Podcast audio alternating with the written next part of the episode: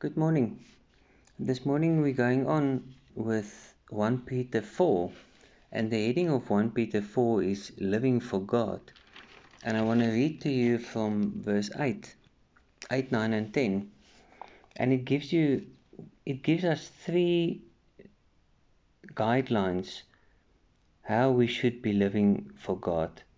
And verse 8 says, Above all, love each other deeply because love covers over a multitude of sins.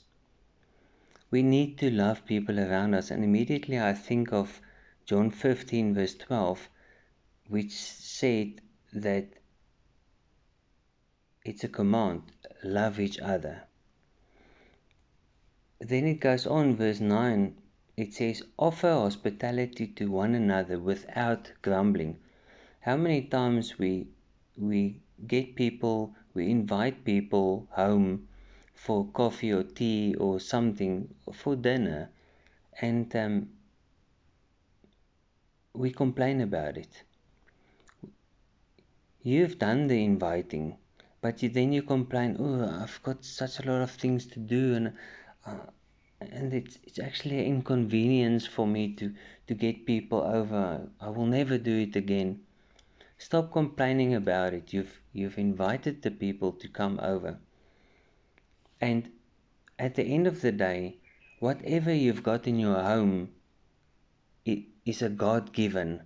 God gave you things. He He gave you coffee and tea. He gave you the the things that you that you're going to enjoy together with other people and show them a little bit of God's love.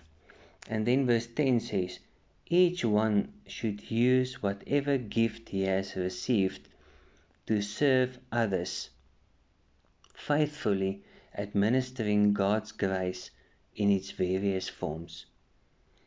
Each one of us received a gift, whether it's to be a good cook or a, a good baker or you can sing well or you you can freely talk to people. You're very bold. You can you can speak to people. Or you've got influence. You've you've just got a manner of talking that people listens to you. Oh, there's a lot. There's there's a lot of things. A lot of gifts that God gives each and every person of us. Use that gift to honor God use that gift to show people, you know what, there's only one God.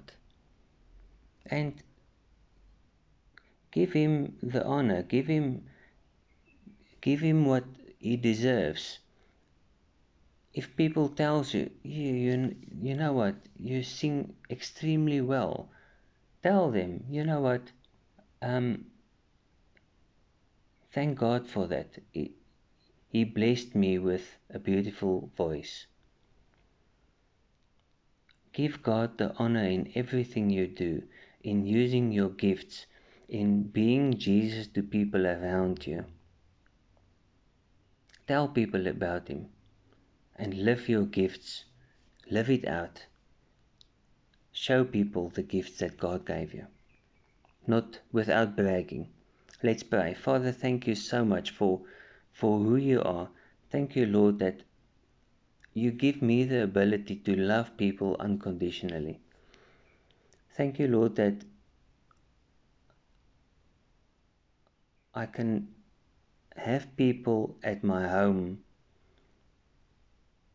and I enjoy having people over at my home.